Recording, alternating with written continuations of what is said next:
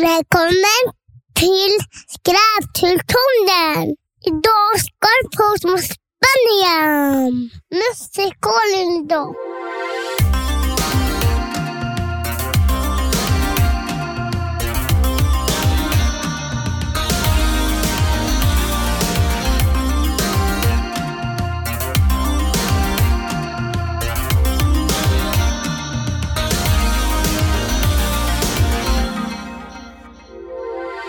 Hej och välkomna till säsong tre av Skräpkulturpodden och det första avsnittet med mig, Filip Sterner.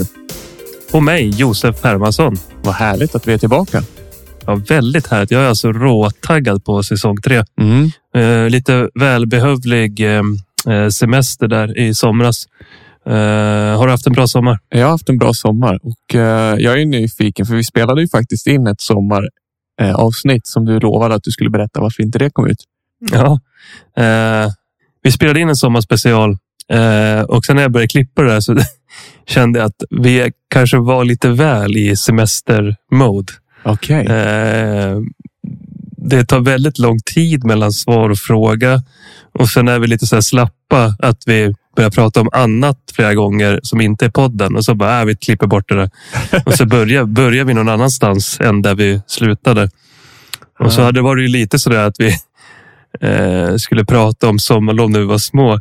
Och så kände jag att droppen var när jag frågade dig i podden när jag lyssnade på inspelningen. Oh, har du någon sommarminnen då från när du var liten? Du bara, "Ah, hängde hemma mest. så Så hade inte någonting att säga. Och, och sen när jag skulle eh, säga så kom inte jag riktigt på någonting heller. Så det vart ingen bra sommarspecial. Vi, vi ska ta med oss det till nästa sommar så kanske vi kan göra en mer temabaserad eh, Mm. sommarlovsspecial. Och, så, och så kanske vi ska ta upp Sega, bash, eh, Sega fiske också. Ja, just det. Sega Bass Fishing eller vad heter det? Ja, precis. Som, som du Eh. faktiskt äger nu till Dreamcast med en, vad heter det, med ett eh, digitalt fiskespö. Ja, det, det ser jäkligt coolt ut faktiskt. Eh, Ja. Det ska vi göra någonting på. Det blir bra. Ja. Eh, Men nu är det ju höst eh, vi drar igång podden här nu igen och vi kör väl fram till nyår tänkte jag i år. Om jag räknat rätt så borde det bli sista avsnittet bli i mellandagarna någon gång. Mm. Så då kanske vi får hitta på någon slags nyårsspecial där. Men idag så är det ju då ett eh, ganska intressant avsnitt om jag får säga det själv eftersom det är jag som har gjort research. Och eh, det är lite så här skräpkultur möter finkultur idag. Mm. Spännande.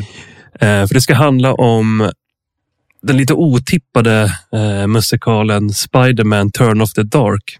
Okej. Eh, vet du någonting om den här musikalen? Nej, ingenting faktiskt. Nej, och det visste inte jag heller. Förrän jag ramlade på den här musikalen på, på internet. Eh, och det är, det är ganska mycket fakta idag, men jag tänker vi kör igång. Eh, men innan det så skulle jag behöva ta med en dryck. Jag ska ta med en Dr. Pepper. Har du någon dryck där borta hos dig? N- nej, men eh, jag önskar att jag hade kunnat haft lite Dr. Pepper hemma. Jag går och hämtar vatten. Ja, gör det. Öppnar jag en Dr. Pepper här medan Filip är borta. Eh, Jag kan också berätta en historia som hände på tal om Dr. Pepper var att jag rensade en garderob här och då åkte en Dr. Pepper rakt ner i backen och exploderade. Så kom det Dr. Pepper över hela min hall. Det var tråkigt. Nu är Filip tillbaka. Sådär. Skål då! Ja, fan vad gott. Skål. Om det är någon som hör en katt kurra så är det min katt Charlie, men det får ni stå ut med. Eh, ja, men att ta det från början så får vi som vanligt köra det här P3-konceptet att backa bandet, P3 Dokumentär-konceptet att backa bandet till 90-talet. Eh, och det är ju lätt idag att eh, se det som en självklarhet med alla superhjältefilmer. Eh, att de är så stora, att det är så väldigt poppis. Eh, jag kollade nu och närmsta året så planerar Marvel åtta filmer. Oj. Eh, och eh, då har jag inte räknat med, ja, det var ju bara Marvel så jag vet inte. DC har väl säkert massa filmer också på gång. Mm. Eh, och på 90-talet var det inte alls samma grej.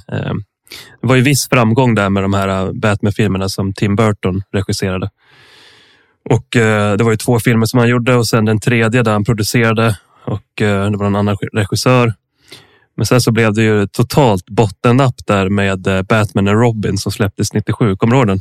Ja, just det. Den minns jag absolut. Eh, George Clooney är Batman och eh, det var ju en stor grej att, han hade, att dräkten hade nipples på hans Precis. dräkt. Mm. Ehm, och den har bara 3,7 på IMDB och jag måste säga att det är fan lite hårt ändå. Eh, så dålig är den inte så att den förtjänar 3,7. Eh, men jag har ju också viss nostalgisk eh, koppling till den. Jag fick den på VHS typ direkt när den kom ut. Och, Vem är skurken i Batman och Robin? Det minns jag inte. eh, Mr Freeze och, eh, och Poison Ivy. Ja, precis. Jo, men då, då minns jag. Och jag minns till och med att jag var på bio på den. Och, Oj, eh, coolt. Ja, och min pappa var bedrövad för att det var så högt i biosalongen. Tyckte jag. Stark volym. Eh, Han skulle ha gått på IMAX. ja, verkligen. Så ja, det är typ det enda jag minns från den. Eh, Men hur som helst, då, eh, många säger att eh, den här eh, superhjältehypen som hade byggts upp lite med de här Tim Burton-filmerna dog ut totalt då när den här Batman och Robin-filmen kraschade och Hollywood kände att fan, det kanske inte är så säkert kort det här med superhjältefilmer ändå. Och så var det ju lite en annan trend gällande filmer på 90-talet. Eh, Både du och jag tycker väl att det kom väldigt mycket bra filmer på 90-talet. Eh, Och, det var ju mycket thrillers och ska man säga lite mer deep filmer än en superhjältefilm. Men jag tänker typ på Seven och Sjätte sinnet och lite sådana Mm. filmer. Fight Club. Matrix. Ja, ja. List Exakt. Exakt.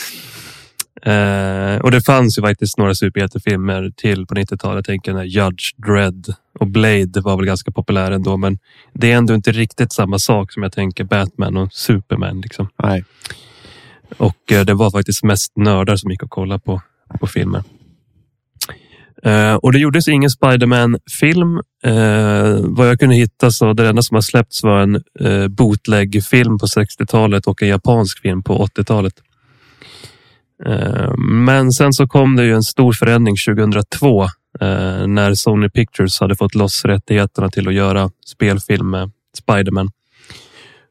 Och, då släppte de den här filmen med Tobey Maguire och eh, regisserad av Sam Raimi. Ja, precis. Evil Dead-regissören. Just det, just det. Just det. Som för övrigt var tillbaka bakom på registolen nu på Doctor Strange.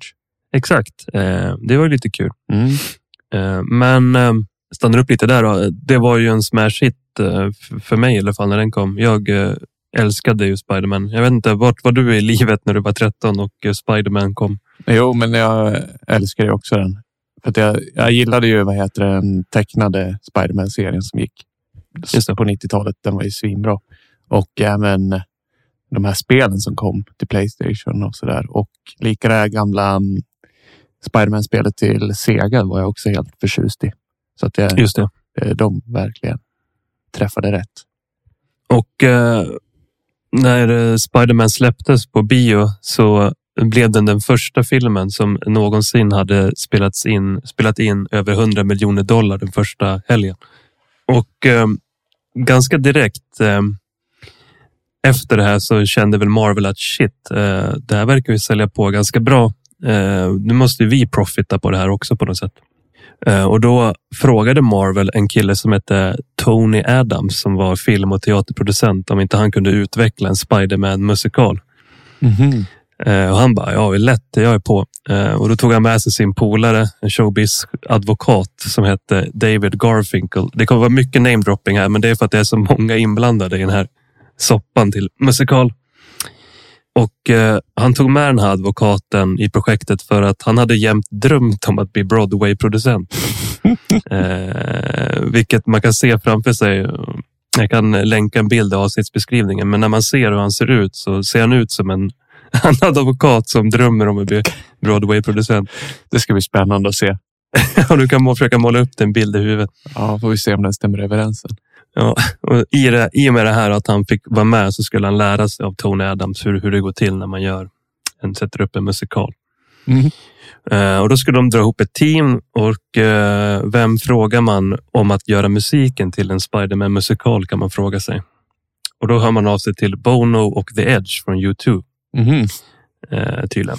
Och de, eh, de sa ja direkt eh, på ett villkor. Och det var att eh, en regissör som heter Julie Taymor skulle regissera. Känner säkert till henne. Hon gjorde bland annat den här um, Frida Kahlo-filmen som släpptes 2002. Just det. Som var ju väldigt i ropet och hon vann flera Oscar och var nominerad i massa kategorier.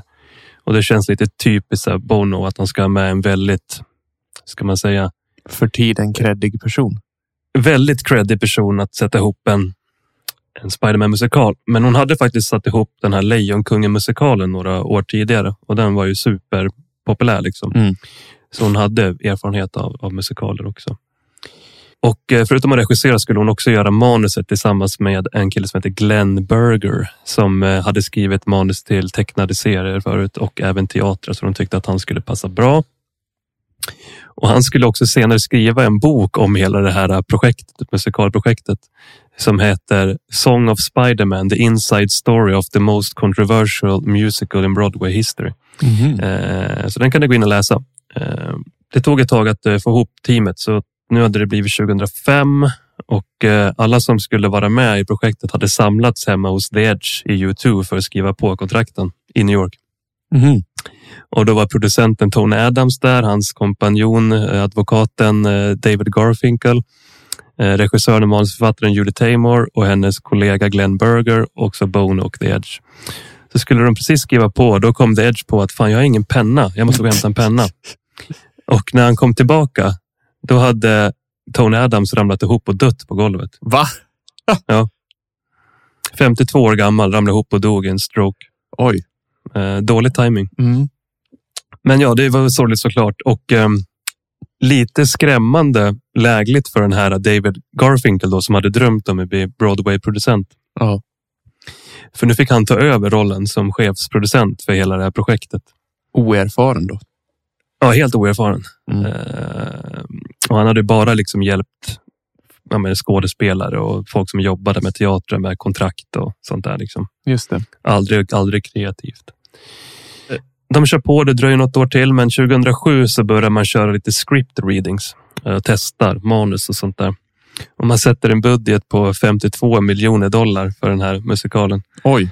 Eh, vilket var alltså så sjukt stor budget i jämförelse med allt annat då. Eh, och eh, det roliga med det är också att 52 miljoner dollar var ingenting emot hur mycket det skulle kosta i slutändan.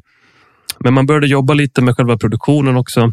Eh, och man insåg ganska snabbt att fan, kanske finns en förklaring varför det inte är så mycket superhjältemusikaler som har gjorts. Eh, för det var ganska svårt att få till liksom en cool feeling. Eh, på film är det ju bara men, in med CGI. Det kanske var därför den här Spiderman-filmen var så poppis också. För att CGI hade blivit ganska bra då. Liksom. Mm. Eh, och det var lätt att göra. Så var man tvungen att tänka till och då Julie Taymor kom på att man kunde bygga om hela teatern. För då kunde man fästa vajrar i taket som skådespelarna kunde sitta fast i och flyga i. Okej. Och, och tekniken de använder, du vet sådana här um, typ på fotbollsmatcher när de har kameror på linor Ja, ja, ja, som är, styrs av någon slags robotdon någonstans som man skickar iväg. Ja.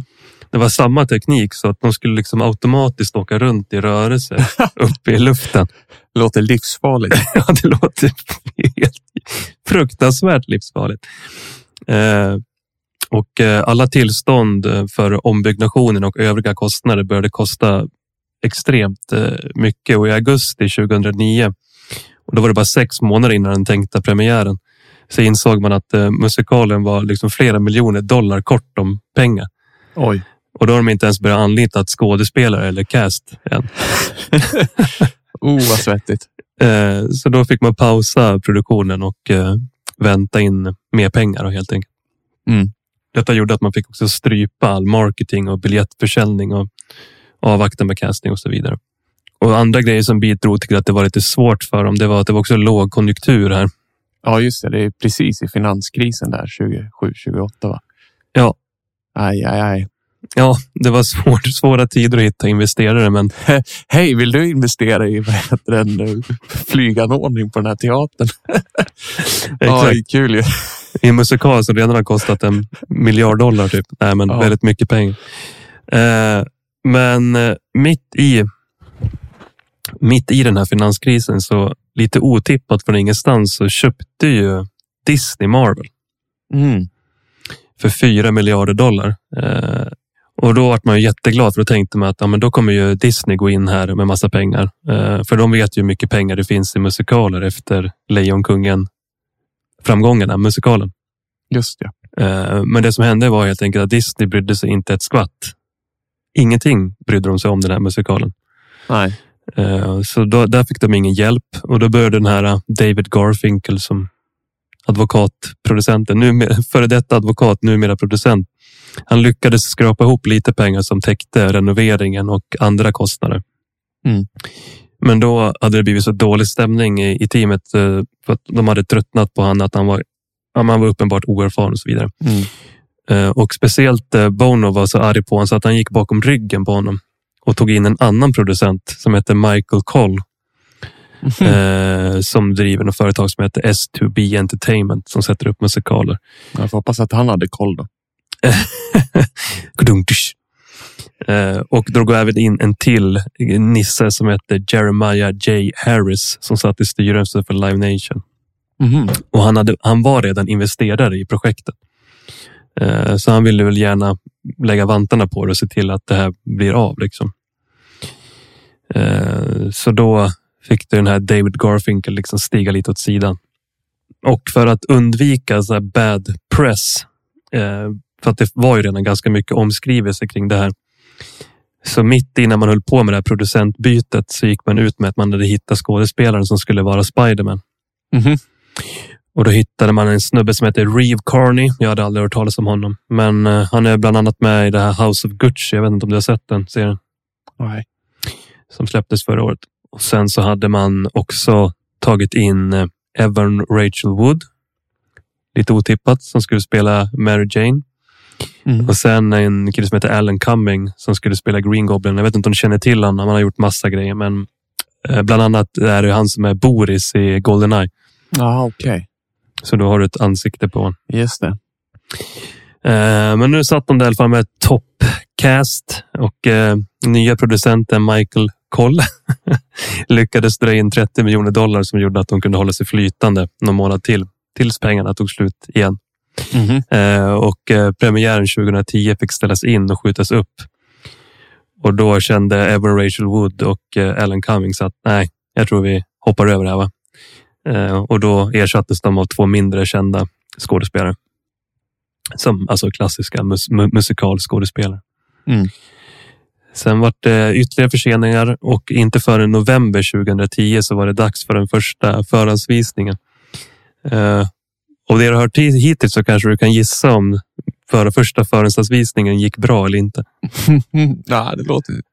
Jag gissar att det gick åt Hälsingland. Eh, ja, eh, de var först en halvtimme sena med att börja och det är ju väldigt ovanligt i Broadway-världen. Där är det ju verkligen på minut liksom jämt. Och sen när showen började så var det uppenbart att saker inte riktigt stod rätt till. Så flera stora liksom paneler och delar av hela stageseten saknades. Så i vissa scener så var det liksom en tredjedel borta, så det var svårt att hänga med i storyn vart de, vart de var i setet. Och sen så fastnade en av skådespelarna i vajern som fick hänga tio minuter ovanför publiken innan de fick Åh. ner henne. Och sen var det en, en, alltså, ännu värre grej med han som spelar Spiderman. Han, jag berättade att de hade så här motordrivna linor. Han fastnade liksom i en motordriven rörelse så de kunde inte fånga honom. Fy fan vad kul. Han åkte liksom bara fram och tillbaka. Så tydligen så hade publiken liksom suttit som på en tennismatch och bara tittat fram och tillbaka. Åh, vad roligt. Jag kan se det framför mig. Ja. Och samtidigt som det här pågår så backstage så ramlar det ner en stor lampa eller någonting från taket rakt ner i Åh, nej. huvudet på en skådespelare som fick hjärnskakning. Uff. Så fick de pausa i 40 minuter innan de fortsatte. Oj, Och sen rullade det på relativt bra tills eh, det var ungefär 10 minuter kvar. Då fick de problem igen och var tvungna att pausa. jag undrar ju hur det, hade, hur det gick på genrepen för det här. Ja, det var ju några i publiken som tyckte att det här verkar ju vara ett genrep. Det här är ju inte en alltså pre-show, för det här ska ju vara som showen ska vara. Liksom. Ja, precis. Eh, Men ja, i slutändan så höll föreställningen på i över en timme längre än vad som var tänkt. Och Oj. då när det när det väl var slut så hade flera publiken redan gått. Men det här rullar på då, i alla fall. De gör 80 förhandsvisningar till. Mhm. Och eftersom det ändå inte, ännu inte har varit någon eh, premiär, riktig premiär så börjar recensenterna bli sura att de inte har Mhm. fått se det här än. För de har ändå haft 80 förhandsvisningar. Just ja. Och det som händer då är att alla stora recensenter går ihop och köper biljetter till en och samma förhandsvisning och går dit och eh, recenserar det. Intressant. Eh, och då var det rubriker som så här, e Most epic eh, flop ever. Eh, värdelös musik och förvirrande manus. och eh, det som hände då att det blev liksom en liten trend att eh, vad ska man säga, pissa på showen i, i pressen. Åh, vad jobbigt för alla skådisar och inblandade. ja, Men speciellt skådisarna som tvingas stå där dag in och dag ut. ja, och de har ju kontrakt och måste gå dit oavsett Mhm. hur det känns. Eh, Och det blev inte bättre av att eh, i december 2010 efter ännu fler förhandsvisningar så hände den första riktigt allvarliga, första och enda ska jag säga, riktigt allvarliga olyckan. Mhm. Då var det han som var Spiderman skulle göra, göra, göra ett hopp rakt ut från en, liksom en avsats. Ja. Ser ju helt livsfarligt ut. Och då skulle han åka iväg då i sin lina. Det var bara att det inte fanns någon lina som satt fast i honom. Nähä. Så han ramlar 10 meter rakt ner Oh. i det här utrymmet mellan eh, scenen och publiken i diket. Där. Aj, aj, aj. Och bryter fyra revben. Armbågen går av. Och så fick han frakturer på sina skuldror och i, i huvudet, i skallen, liksom, i skallbenet. Ah. Eh, alltså han hade lätt kunnat dött. Det var ju liksom ganska farligt fall. Han lös Ja. 10 meter rakt ner i ett golv. Eh, och det som hände då att han var borta eh, någon vecka från, från showen och så lyckades även få igenom en stämning på producenterna på 13 000 dollar. Eh, Mm. Men sen så åter, återvände han. Och eh, nu hade ju liksom pressen ännu mer och ska man säga vatten på sin kvarn och, och köra på med liksom. Och det här var alltså samma skådis som eh, första i, vad heter det, visningen bara flög runt och runt och runt. I, ja, exakt. Var samma kille. Åh, fy fan vad ledsen måste ha varit där. Ja, eh, då pausade man lite eh, föreställningen och eh, man gick igenom manuset och showen igen för att se om man kunde göra något för att göra den bättre. För Mm. man var trött på alla eh, dåliga recensioner. Och då ändrade man slutet och skrev om dialog och gjorde ny musik. Så satte man ett nytt Var det. Bono som gjorde musiken då också? Eller, Ja, eller Youtube? Jag tror han har väl sett till att fick få betalt under hela det här projektet. Ja. Eh, men då satte man ett nytt datum i april för den riktiga premiären. Eh, men det sköts fram till maj. Det här är 2011 nu då. Ja, precis. Och nu hade det också eh, blivit att eh, så gemene man gick och kollade på den här musikalen. För här hade ju så Twitter kommit också. Mm. Så det var väldigt mycket snack på Twitter. Folk delade videos från musikalen och skrev Okej. liksom, det här är det värsta jag sett i hela mitt liv och så vidare. Ja. Eh, att folk gick och kollade på den lite halvt ironiskt. Mhm. Mm. Liksom. Eh, jag hade ju åtminstone varit jävligt sugen på att gå och kolla på det här. Eh, Jag är jävligt sugen på att se den. Men såklart så var det också många fans som gick och tittade som tyckte att det var bra. Liksom. Men ja, man stängde av alla previews för att skriva om och då tog man in en ny kille som hette, ursäkta mitt uttal här nu, men Roberto Aguere Sacasa. Och han hade tydligen eh, skrivit massa serietidningar förut och eh, även hjälpt till på musikaler och teatrar. Så att han var väl också det bra CV för jobbet att skriva om den. Just det. Eh, och eh, han har jobbat för mycket för Marvel också. Så att eh, han tog sig in för att kunna skriva om den lite och göra den lite mer Spidermanig. Och den killen förresten, Roberto Aguere Sacasa. Jag vet inte om du har sett dem, men det är han som är, ligger bakom de här nya Sabina tonårssexan och Riverdale på Netflix. Ja, okej. Det är han som är skaparen. där. Mm, intressant. Men då gjorde man massa förändringar. Jag kan inte gå igenom allting, men det var alltså på den nivån att man skrev ur karaktärer ur storyn och gjorde Mm. om villains till kompisar och så vidare. Så det var ganska stora omskrivningar i manuset. Mm. Och regissören då och delvis manusförfattaren Julie Taymor var inte så glad i alla de här förändringarna och satte sig ganska mycket på tvären för att hon hade ju fått köra sitt eget race i stort sett eftersom hon både var manusförfattare och eh, regissör och satt lite med en sån producenthatt, åtminstone i början när den här advokaten var inblandad. Liksom. Mm. Men i alla fall, det som hände var att eh, eftersom Julie Taymor inte var så peppad på de här förändringarna i manuset så gick Bono och The Edge och producenterna bakom ryggen på henne och tog in en ny regissör Okej.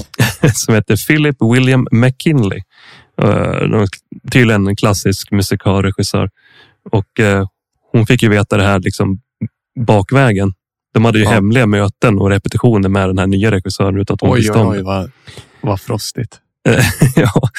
Och eh, det ledde ju till en del, eller en ganska strulig rättegång med eh, en ganska dyr stämning eh, Mm. som hon fick igenom. Och eh, som sagt, en ännu mera dålig press.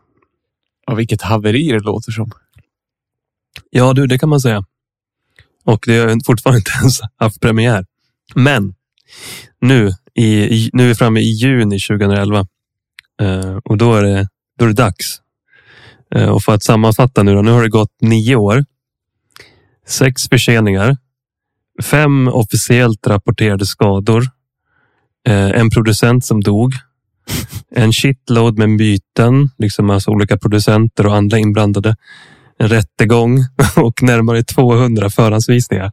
Mm. Eh, Så det är dags. Ett och ett halvt år eh, efter utsatt datum. Eh, Jag tänkte du skulle få titta på ett klipp nu. Ja. Hur det ser ut på själva musikalen. Så får du väl kanske live-reagera och berätta lite vad du ser för någonting på. Mm.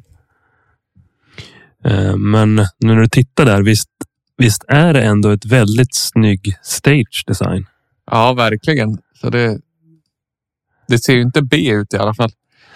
Eh, Sen sista klippet där behöver du inte kolla klart på. Då är det någon som sitter fast i ett nät som du ser där. Och eh, Mm. det där nät, nätdesignen kostade i sig en miljon dollar att utveckla. Åh jäklar. Eh, men är det liksom projicerat eller är det? Mm, det är blandat. Eh, Vissa grejer är eh, projicerat och vissa är liksom rena eh, ska man säga, fysiska props. Det finns bland annat en drömsekvens i musikalen där han drömmer en grej och det, det ser hur coolt ut som helst. Och det är ju liksom gjort. Det är väl en massa folk i kulisserna som rör olika set pieces och sånt. Mm. Alltså det ser riktigt tufft ut. Mm. Jag kan säga det också. Jag kommer lägga till massa länkar till eh, klipp och eh, grejer i avsnittsbeskrivningen så kan ni pausa nu också om ni vill gå in och kolla lite innan ni fortsätter lyssna. Ja, men du, tycker i alla fall inte att det såg B ut? Nej, förvånande. Jag, trodde att det skulle se sämre ut, men det såg faktiskt väldigt coolt ut. Jag blir peppad på att se den. Ja, ehm, och eh, då var premiären i juni 2011 och recensionerna var ju inte var väl som, vad ska man säga, dömda i förväg att det Mm. inte var bra. Liksom. Ehm, men det var ganska många som poängterade att storyn hade blivit bättre efter de här förändringarna. Eh, och de tyckte också att de hade lyckats få in lite fanboy-humor och tydligen så hade de till och med ett uh, metaskämt om hur trouble den här musikalen var. Okej, det var ju Eh, intressant. Och man tyckte också att skådespelarna var väldigt duktiga. Mm. Eh, Och det är ju lite schysst ändå. Att åtminstone de får lite cred som Ja. har stått där och kämpat i typ ett och ett halvt år. Ja. Det ska också tilläggas att det är tydligen väldigt ovanligt att göra ett helt rep på den, den platsen där man ska vara sen. Eh, Det var extremt dyrt att hyra den här teatern, men det verkade inte den här regissören bryr sig så mycket om. Nej. Men trots att det fanns några bra grejer att säga så var recensionerna ganska dåliga. Eh, Och eh, det brukar vara ganska dåligt tecken, speciellt med musikaler, att om de får till en början bra eller dåliga recensioner så brukar inte sälja biljetter. Men lite otippat då, då. eh, Den här öppningshelgen när den gick, gick hur bra som helst. Mhm. Och de lyckades sälja slut nästan alla shower eh, det kommande ett och ett halvt året. Oj då. Eh, Och man slog också ett rekord 2012 där man sålde mest biljetter under en helg än någon annan Broadway show hade gjort. Jaha. Och det är ju samma igen här att det hade blivit liksom en kultstatus kring den här musikalen redan Aha. innan eh, den gick att se. Liksom, Mm. På grund av alla incidenter och, och andra grejer som hände. Just det. Och eh, folk vill ju se, liksom, kan den verkligen vara så dålig som, som re- recensionerna säger? Eh, och eh, ja, musikalen fortsatte, eh, gick över tusen gånger. Oj. Och i, december 2013, eller i september 2013 så var det dags att byta Spiderman. Och det är ju Mhm. inget konstigt egentligen. Man brukar ju byta ut. Det är ju samma liksom Fantomen på Operan. Man, man Ja, byter precis. ut bara för att hålla den lite fräsch. Liksom. Mm. Eh, men ungefär samtidigt så hade liksom den här eh, nyfikenheten som fanns i början hos publik som ville gå och se, den hade lagt sig lite. Mm. Och biljettförsäljningen gick liksom lite trögare och trögare för varje månad som gick. Och så producenterna hade börjat fått stora problem med att få sina skadeförsäkringar för de som var med att gå igenom. Eh, Aha. och det vart väl dyrare och dyrare antar jag. Just det. Och även om det inte var några stora skador så jag kan gissa att ett försäkringsbolag i USA går in där och bara wow, vad är det som händer här inne? Nej. Men de lyckades hålla igång i ett år till, till november 2014. Och då gick den sista föreställningen någonsin. Okej. Eh, och eh, trots alla de här sålda biljetterna, om jag räknade rätt så var det liksom 250 000 sålda biljetter ungefär sammanlagt. Mm. Eh, så hade de backat 60 miljoner dollar när den här showen lades ner. Oj. Eh, vilken gör den till den musikal som har backat mest och även den då, då som har haft sämst recensioner någonsin. Men då ändå har eh, rekord med mest sålda biljetter under en helg. Det är ganska intressant ändå. Mm. Många rekord slagna alltså. Eh, men man får ju verkligen säga, jag tänker på den här, eh, vad heter han regissören som har gjort eh, Troll 2? eh, Claudio Fragasso.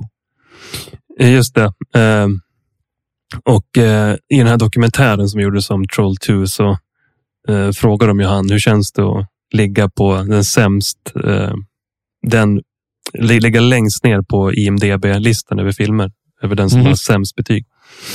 Då säger han en ganska bra grej som man ska ta med sig i livet att eh, att ha blivit utsedd till att ha gjort det sämsta eh, är lika bra som att bli utsedd att ha gjort det bästa, för det betyder att man har påverkat människor. Och den här musikalen verkar ju liksom pricka in båda två. Mm. Den slår försäljningsrekord, men också backa mest och har sämst recensioner. Ja. Men vad, vad tror du felet var? Då? Alltså varför? Varför kan det? Hur kan det ha gått så här snett? Ändå. ja, det är en bra fråga. Jag tänker just också eftersom Spiderman var så pass het då eh, fortfarande. Verkligen. Men eh, man kanske inte skulle tagit in Youtube heller för att vad heter det, skriva musiken. Nej, jag kan. eh, Jag lägger det också i avsnittsbeskrivningen, men eh, musiken låter ju väldigt, väldigt mycket Youtube. Alltså, Okej. Man brukar väl säga att om du går ut från en musikal så ska du nynna på någon av låtarna som du har Mm. hört där inne och vara lite, ska man säga, medryckt. Men det här låter liksom som ett litet halvdåligt YouTube-album bara. Ehm, det var någon låt som lät, lät rätt bra. Eh, det lät nästan som lite Silent Hill eh, Okej. soundtrack eh, Ja, men till det- tvåan. Det är nice. Men eh, är det släppt på Youtube eller Spotify det här albumet? Mm, det finns på Spotify. Okej, då får jag gå in och Eh, lyssna. Ja, det ska du göra. Eh, Men jag tänkte vi skulle gå igenom lite grejer där. Bara att eh, budgeten i slutändan för musikalen blev 79 miljoner dollar, vilket är rekord. Mm. Och eh, för lite referens då, då lite otippat eh, på nummer två, eh, vem som hade störst budget var Shrek the Musical. Mm. Och den var nere på 26,6 miljoner dollar. Så det är typ dubbelt så dyrt som den som är två. Och för, för att jämföra med ännu en till då, så kan vi ta den här superhypade musikalen Hamilton som går över hela världen. Den hade en budget på 12 miljoner dollar, Mm. vilket alltså det är ingenting i jämförelse med Spiderman och då ser ju. Hamilton ganska dyr och cool ut, även den. Ja, men jag tänker så här, de som besökte, har du någon koll på vad de tyckte? Det lär ändå vara rätt coolt att vara på mus- Om man är van att gå på musikal så lär det ju ändå vara rätt coolt att Spindelmannen faktiskt flyger genom Mm. salongen och så där. Ja, på tal om det där flygandet så nu kommer jag inte ihåg exakt vad det var, men det var över hundra alltså enskilda flygstunts under de här Oj. timmarna. Så Ja. det var ju Och det finns någon scen som är helt sjuk när han slåss med Green Goblin i luften ovanför publiken. Och då är det liksom två då personer som flyger på varsitt varsin vajer som styrs av en varsin motor som inte ska krocka med varandra. Flyger runt Oj. och gör volter. Ja, shit. Eh, Men eh, jag har gjort lite efterforskning, speciellt om man är inne och kollar lite på Youtube och kollar i kommentarsfältet. Så är det ju lite så här att var den verkligen så dålig? Liksom. Mm. Eh, Och eh, det verkar vara många som inte tyckte det ändå. Ja, okej. Eh, Och så rå- råder det delade meningar att det var folk som gick och kollade på den även med gamla manuset och med, med nya manuset som tyckte att den första var bättre. Mhm. Men absolut. Och det var många som skriver bara, "Åh, jag önskar att de kunde kicka igång den här igen så man kunde få gå och titta på den. Men jag tänkte bara att vi skulle summera varför det gick åt skogen. För att det finns en förklaring och det var ju att den var så dyr att hålla igång. Mm. Det. Eh, och det märktes ju. Det gick okej när man såg det slut varje föreställning. Men när man gjorde en budget och kollade, okej, hur ska vi gå runt på det här? Då kom man på att okej, vi måste sälja slut alla shower i sju år för att gå plus minus noll. Uff. Eh, och då och sen kan jag tillägga också, det kostar en miljon dollar i veckan att köra den. Åh jäklar, ja. Då förstår jag. Det är en ri- en risk. Ja, och den här nya producenten, han som inte var med från början, den här eh, Michael Cole, han sa att eh, om jag hade varit med från början, då hade jag minsann budgeterat annorlunda. Men det är väl lätt att vara efterklok. Men Mm. han sa väl att det största felet var att de faktiskt var på den här teatern. Att de borde ha valt ett annat ställe som var gjort. Typ Las Vegas. Alltså mer Ja, som var gjort det. för att snurra i luften och Ja. man inte hade behövt bygga och för, liksom, göra tillägg på en teater som man inte fick röra. Liksom. Nej, just det. Kanske Broadway inte var ett forum för den där typen av eh, effektfyllda föreställningar. Nej, och jag tror absolut att den hade nog kanske till och med funkat bättre utanför. Men de var Precis. ju verkligen extremt sugna på att köra den här på Broadway. Mm. Tack vare den där producenten då, som hade dröm, Broadway-drömmar. I slutändan så var det hans fel. Om han ändå inte hade drömt om Broadway. Ja. Eh, men eh, jag tänkte vi skulle snacka storyn lite. Eh, jag har sammanfattat storyn, eh, eller manuset eh, i den versionen innan de gjorde om den. Mm. Så får vi se vad du, vad du tycker. Och eh, tänk dig första Spiderman från 2002, den filmen. Mm. Han blir biten av spindeln, Uncle Ben dör, Green Goblin visar sig vara hans eh, kompis pappa och så vidare. Storyn till musikalen är ungefär likadan, men med en jävligt udda skillnad. Mhm. Vilket pajar lite hela det som är Spiderman, att han bara råkar bli biten av en spindel och hans eh, farbror bara råkar dö. Då är det då en grekisk gud med i musikalen som heter Arachne. Som eh, på något magiskt sätt eh, med hennes gudakrafter ser till att Spiderman blir biten av den här spindeln. Lite oklart hur. Eh, och eh, det är även Arachne som kommer och ger Spiderman hans Spiderman-dräkt. Mhm. En annan skillnad, Green Goblin dör ju i slutet i filmen, men i musikalen så dör han redan i första akten. Okej. Och eh, då kommer Sinister Six ut. Eh, det klassiska Spiderman-gänget. Mm. Och så har hon tagit ut massa klassiska figurer därifrån. Och bland annat skrivit in en egen villen som heter Swiss Mix. Eh, och då är det en levande schweizisk armékniv. De har massa knivar så här som åker runt. Okej. Vad roligt. Ja, Det är så jag höll på att garva ihjäl mig när jag såg hur det såg ut. Mm. Eh, Men så uppenbart att hon ville få utlopp för lite så här, ska man säga, kre sin kreativa frihet som hon hade lyckats Var det en comic relief eller var det dödsseriöst eh, villain? Alltså, jag tror att det skulle vara seriöst, men det känns ju nästan lite sådär Megaman. Du vet, när man Ja. slår ut på fiender så börjar det bli ganska konstiga fiender. Just det. Eh, ja. Men sen också helt okommenterat i akt två så har du även alltså Spiderman eller Peter Parker helt gett upp tankarna på att vara Spiderman. Så helt plötsligt så är han bara ute på dejt med Mary Jane och sånt där och försöker hångla med henne. Mhm. Eh, och sen under hela föreställningen så har de också en kör som kommer in. eh, som sjunger eh, ja, men du vet, så här gamla, gammeldags kör-style. Eh, sjunger det som händer och ibland kan det ju vara behjälpligt i musikalen man behöver få lite berättat för sig vad det är som har hänt. Mm. Men då var det verkligen så att okej, nu dog Uncle Ben och sen kom de in och bara sjunger. Nu har Uncle Ben dött, bla bla bla. bla, bla. Eh, så det var liksom verkligen så att skriva på näsan. Mm, just det. Eh, men han är ute och dejtar eh, Mary Jane så till slut så kommer den här grekiska guden Arachne in i Peters drömmar, Peter Parkers drömmar och övertalar honom att bli Spiderman igen. Och då blir han det på Mhm. en gång. Också oklart varför han bara känner ju inte ens henne. Eh, och det var den scenen jag pratade om som ser riktigt tuff ut på, på när de spelade upp det på musikalen. fanns det klipp på Youtube. Mhm, Mm.